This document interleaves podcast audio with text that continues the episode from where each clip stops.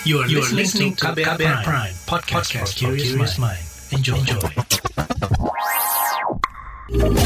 Kamu lagi dengerin What's Trending KBR Pagi.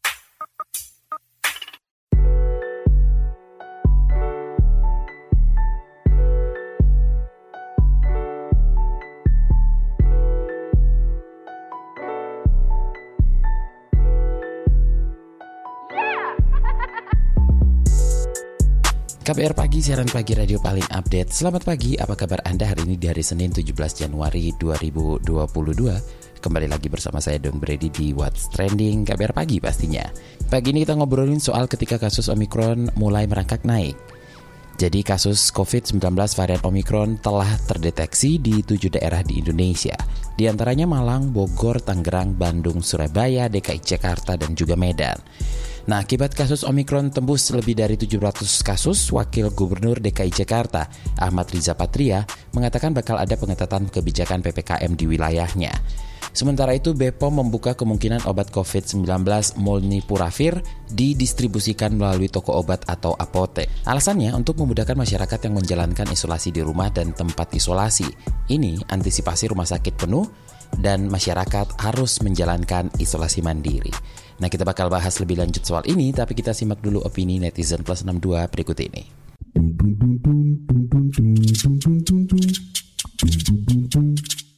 Pertama ke akun @grisela2. Setelah varian Delta terbitlah varian Omikron yang cukup bikin warga jadi was-was.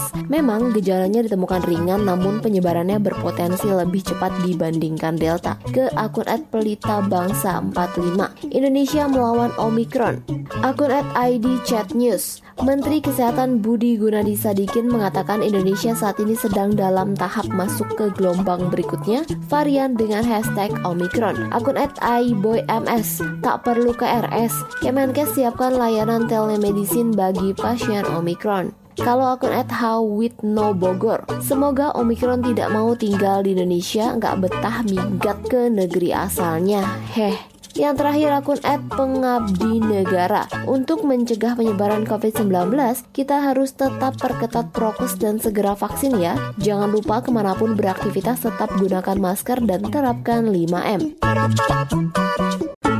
What's Trending KBR Pagi masih di What's Trending KBR Pagi, kita lanjutkan obrolan kita pagi ini. Jadi pemerintah mengaku bakal memantau perkembangan kasus Omikron di tanah air. Kita simak pernyataan Menteri Koordinator Bidang Kemaritiman dan Investasi Luhut Binsar Panjaitan saat konferensi pers 12 Januari 2022. Dapat mengalami hal yang sama dan kami melihat sudah ada tanda-tanda mulai masuk namun kita tidak perlu panik, tetapi kita semua harus waspada menghadapi ini. Kami akan terus memonitor secara ketat perkembangan dan akan mengambil langkah-langkah antisipasi yang diperlukan. Perawatan di rumah sakit akan menjadi salah satu indikator utama. Kami akan high alert atau siaga utama ketika BOR mendekati 20-30 persen di rumah sakit. Dari hasil pengamatan terhadap pengalaman negara lain, puncak varian Omikron mencapai puncaknya dalam kisaran waktu 40 hari, lebih cepat dari varian Delta. Untuk kasus Indonesia, kita perkirakan puncak gelombang karena Omikron akan terjadi pada bulan awal Februari. Sebagian besar kasus yang terjadi diperkirakan akan bergejala ringan, sehingga nanti strateginya juga akan berbeda dengan varian Delta.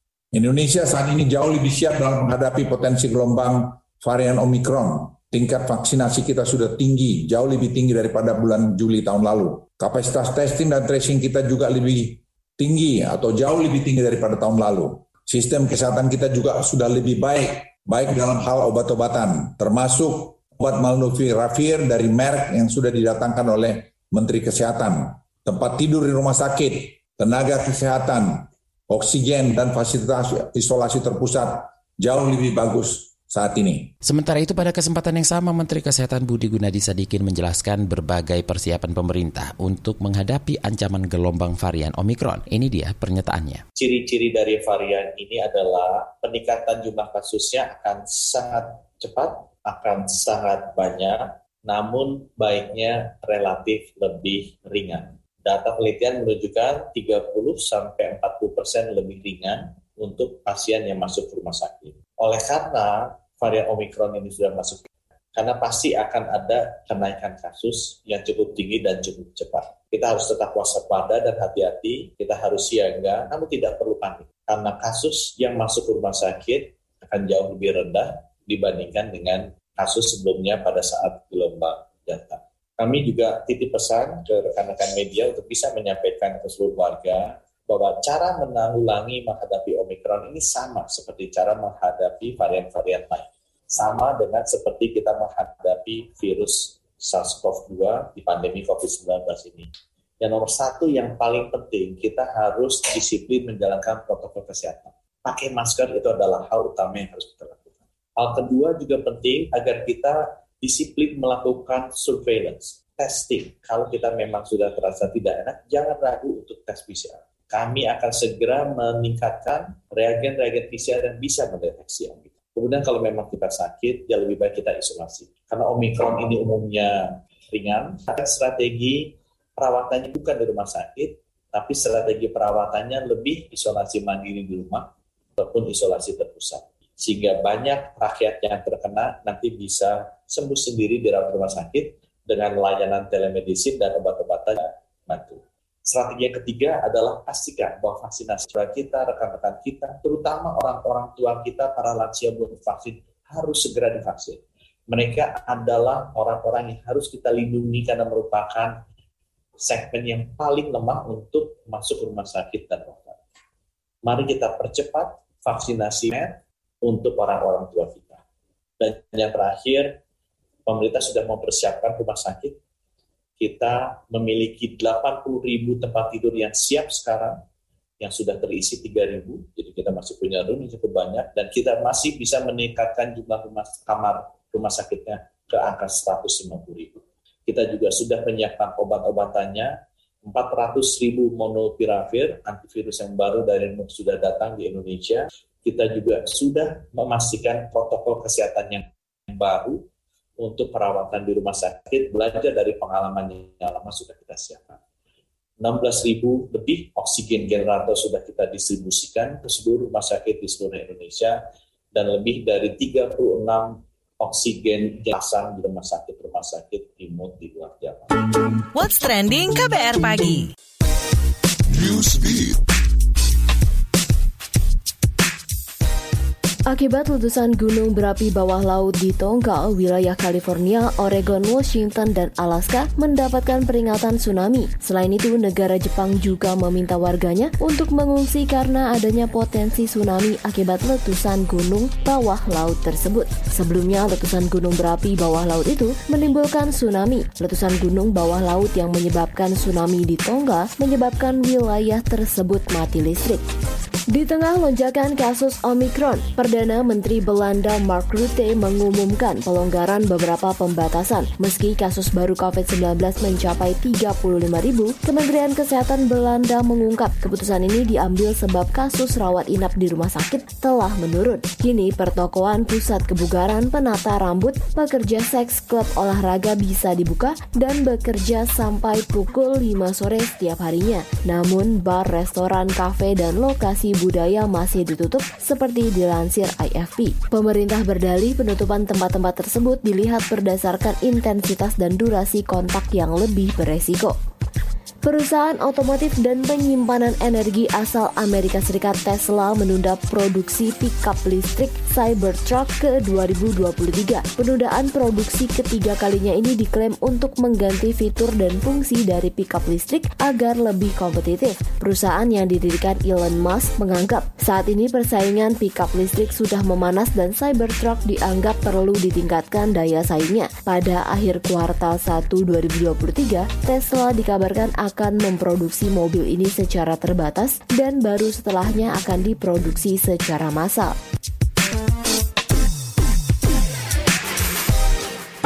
What's Trending KBR Pagi. Kita lanjutkan obrolan kita pagi ini di What's Trending KBR Pagi ketika kasus Omikron mulai merangkak naik. Nah lantas apa sih pesan dari ahli epidemiologi untuk mengantisipasi makin meluasnya kasus COVID-19 varian Omikron ini? Kita obrolkan bareng pakar epidemiologi dari Universitas Erlangga, Dr. Windu Purnomo. Bagaimana nih Anda melihat uh, potensi lonjakan kasus Omikron yang diprediksikan terjadi di Februari? Seperti apa Anda melihat kesiapan Vaskes dan Nakes untuk kembali menghadapi gelombang kasus? Perkiraan lonjakan kasus itu kan dari model yang kita dapatkan di Afrika dan UK dan negara-negara lain ya. Kan puncak itu uh, sejak ditemukan Omikron sampai puncak kasus itu kan membutuhkan waktu antara 35 sampai 40 hari. Saya sih prediksinya ya memang ada lonjakan, tapi lonjakannya nggak besar lah kalau di Indonesia. Kenapa? Ya karena kita ini sudah punya modal ya. Modalnya itu yang berbeda dengan setahun yang lalu, kita sudah punya model kekebalan baik alamiah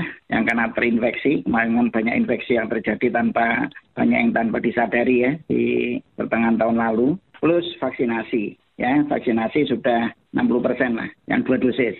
Jadi artinya kita ini sudah punya kekebalan di komunitas yang cukup besar. Apalagi dari hasil zero prevalence survey, kita tahu yang punya kekebalan sudah lebih dari 80 persen ya di komunitas. Jadi itulah, sekarang kesiapan rumah sakit, saya kira kita sudah lebih siap daripada ketika menghadapi Delta. Kemarin kita menghadapi Delta kocar kacir, ya, tapi sekarang sudah lebih siap saya sih tetap optimis kita berhasil, akan berhasil lah. Nah, pemerintah mengklaim akan fokus ke telemedicine. Tanggapannya seperti apa? Apakah telemedicine ini cukup untuk menghadapi Omikron saat booster sudah berjalan? Apalagi ada ada booster, ada apa kan malah bagus toh. Telemedicine ini kan sebetulnya kan ya seharusnya kan kan kita tidak perlu toh orang-orang yang kasusnya tanpa gejala, apalagi meskipun dia positif, apalagi tanpa gejala atau yang ringan, tidak perlu masuk rumah sakit ngapain? Jadi jangan perlakukan Omikron itu secara khusus itu, tidak usah panik. Oh Omikron tanpa gejala pun masuk rumah sakit, cukup di rumah saja nggak apa-apa. Kalau asal rumahnya memang memenuhi syarat ya, jadi isolasi mandiri di rumah. Atau kalau tidak memenuhi syarat ya harus diisolasi terpusat. Tapi tidak usah masuk rumah sakit ngapain? Nah kalau mengalami isolasi mandiri di rumah ya salah satunya adalah telemedicine tadi. Jadi artinya dipantau dari jauh dengan paket-paket obat ya kalau misalnya tanpa gejala ya sudah apa namanya sudah ada paketnya kan. Kalau tanpa gejala ya terapi-terapi suportif aja, vitamin, multivitamin gitu-gitu aja. BPOM membuka kemungkinan obat COVID-19 molnupiravir didistribusikan nih melalui toko obat atau apotek. Ada catatan soal ini? Ya punya asal dengan resep dokter kan nggak masalah kan. Obat apa pun kan asal sudah dinyatakan dia sudah punya izin edar kalau di, di, di apotek berarti kan sudah harus izin edarnya sudah keluar ya melalui BPOM. Ya sudah toh asal karena itu obat-obat yang membutuhkan resep ya asal ada resep dari dokter nggak apa-apa eh, asal karena antivirus ya harus ada resep dokter nggak bisa atau beli sendiri gitu tanpa resep ya jadi self medication itu hanya untuk yang memang obat-obat yang diperbolehkan tanpa resep dokter. Tapi kalau misalnya molnupiravir ya, molnupiravir ya harus resep dokter kan gitu. Rekomendasinya seperti apa ini? Ya yang penting ini, sementara ini kan 88 persen ya kasus Omikron yang dilaporkan di Indonesia adalah di, pintu masuk negara. Hanya 12 persen yang sudah ada di komunitas kan gitu. Yang menjadi transmisi lokal. Ya jadi artinya kemampuan kita mendeteksi di pintu negara itu harus ter terus dilanjutkan harus ketat. Jadi jangan sampai masuk ke komunitas. Nah, yang sudah terlanjur nggak apa-apa lah ya. Tidak ada. Di dunia ini 150 negara lebih sudah melaporkan transmisi lokal di komunitasnya. Jadi memang namanya virus kecil ini seketat apa pun ya bisa lolos. Maka yang penting yang ada di pintu masuk harus ketat. Ya mulai dari entry test kemudian karantina. Karantina sekarang cuma tujuh hari. Ada exit test itu harus betul-betul tanpa diskresi. Nggak boleh ada yang yang main-main lagi seperti kemarin Kemudian penggunaan peduli lindungi itu sekali lagi tidak boleh main-main gitu ya. Yang cuma formalitas dipasang QR code-nya tapi tidak dipindai oleh mereka yang masuk ke area publik. Kalau ada pelanggaran begitu menurut saya Satgas setempat harus berani memberi sanksi misalnya nutup tutup aja mereka yang pengelola area publik yang tidak menjalankan peduli lindungi dengan standar untuk saja gitu ya nggak boleh main-main dengan peduli lindungi karena itu penting sebagai alat penapis pelindung dan pelacak. Jadi yang penting itu jangan sampai terjadi hospitalisasi dan kematian. Itu yang penting. Kalau tertular nggak apa-apa karena kita sudah punya vaksin, sudah modal tubuh kita sudah punya vaksin dua dosis kekebalan artifisial dan tadi kekebalan alamiah. Ya, jadi sebenarnya kita nggak usah panik gitu, tapi tetap prokes gitu lah supaya kita tidak tertular. Terima kasih pakar epidemiologi dari Universitas Erlangga Dr. Windu Purnomo. What's Trending KBR Pagi Commercial Break, Commercial break.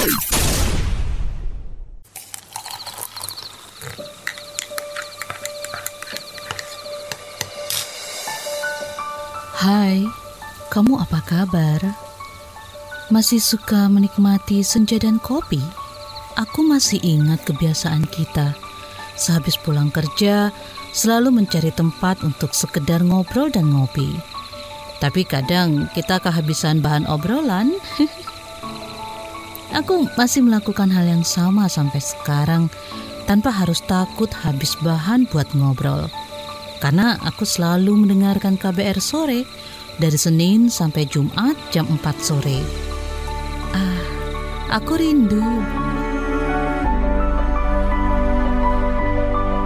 KBR Inspiratif Terpercaya.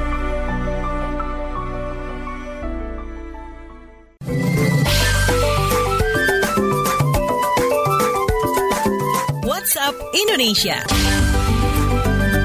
WhatsApp Indonesia dimulai dari Jakarta. Kalangan DPR RI menyoroti kenaikan harga kebutuhan pokok yang hingga saat ini belum juga terkendali, terutama minyak goreng. Anggota DPR Komisi Industri, Nevi Zuairina menilai kebijakan pemerintah melakukan operasi pasar demi menstabilkan harga minyak goreng di tingkat konsumen hanya efektif sesaat saja tanpa upaya pengendalian secara menyeluruh.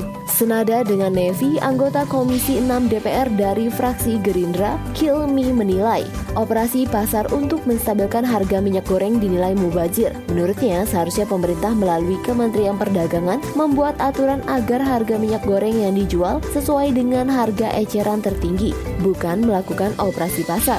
Sebelumnya pemerintah menggelontorkan dana senilai lebih dari 3 triliun rupiah untuk merealisasikan minyak goreng terjangkau seharga Rp14.000 per liter.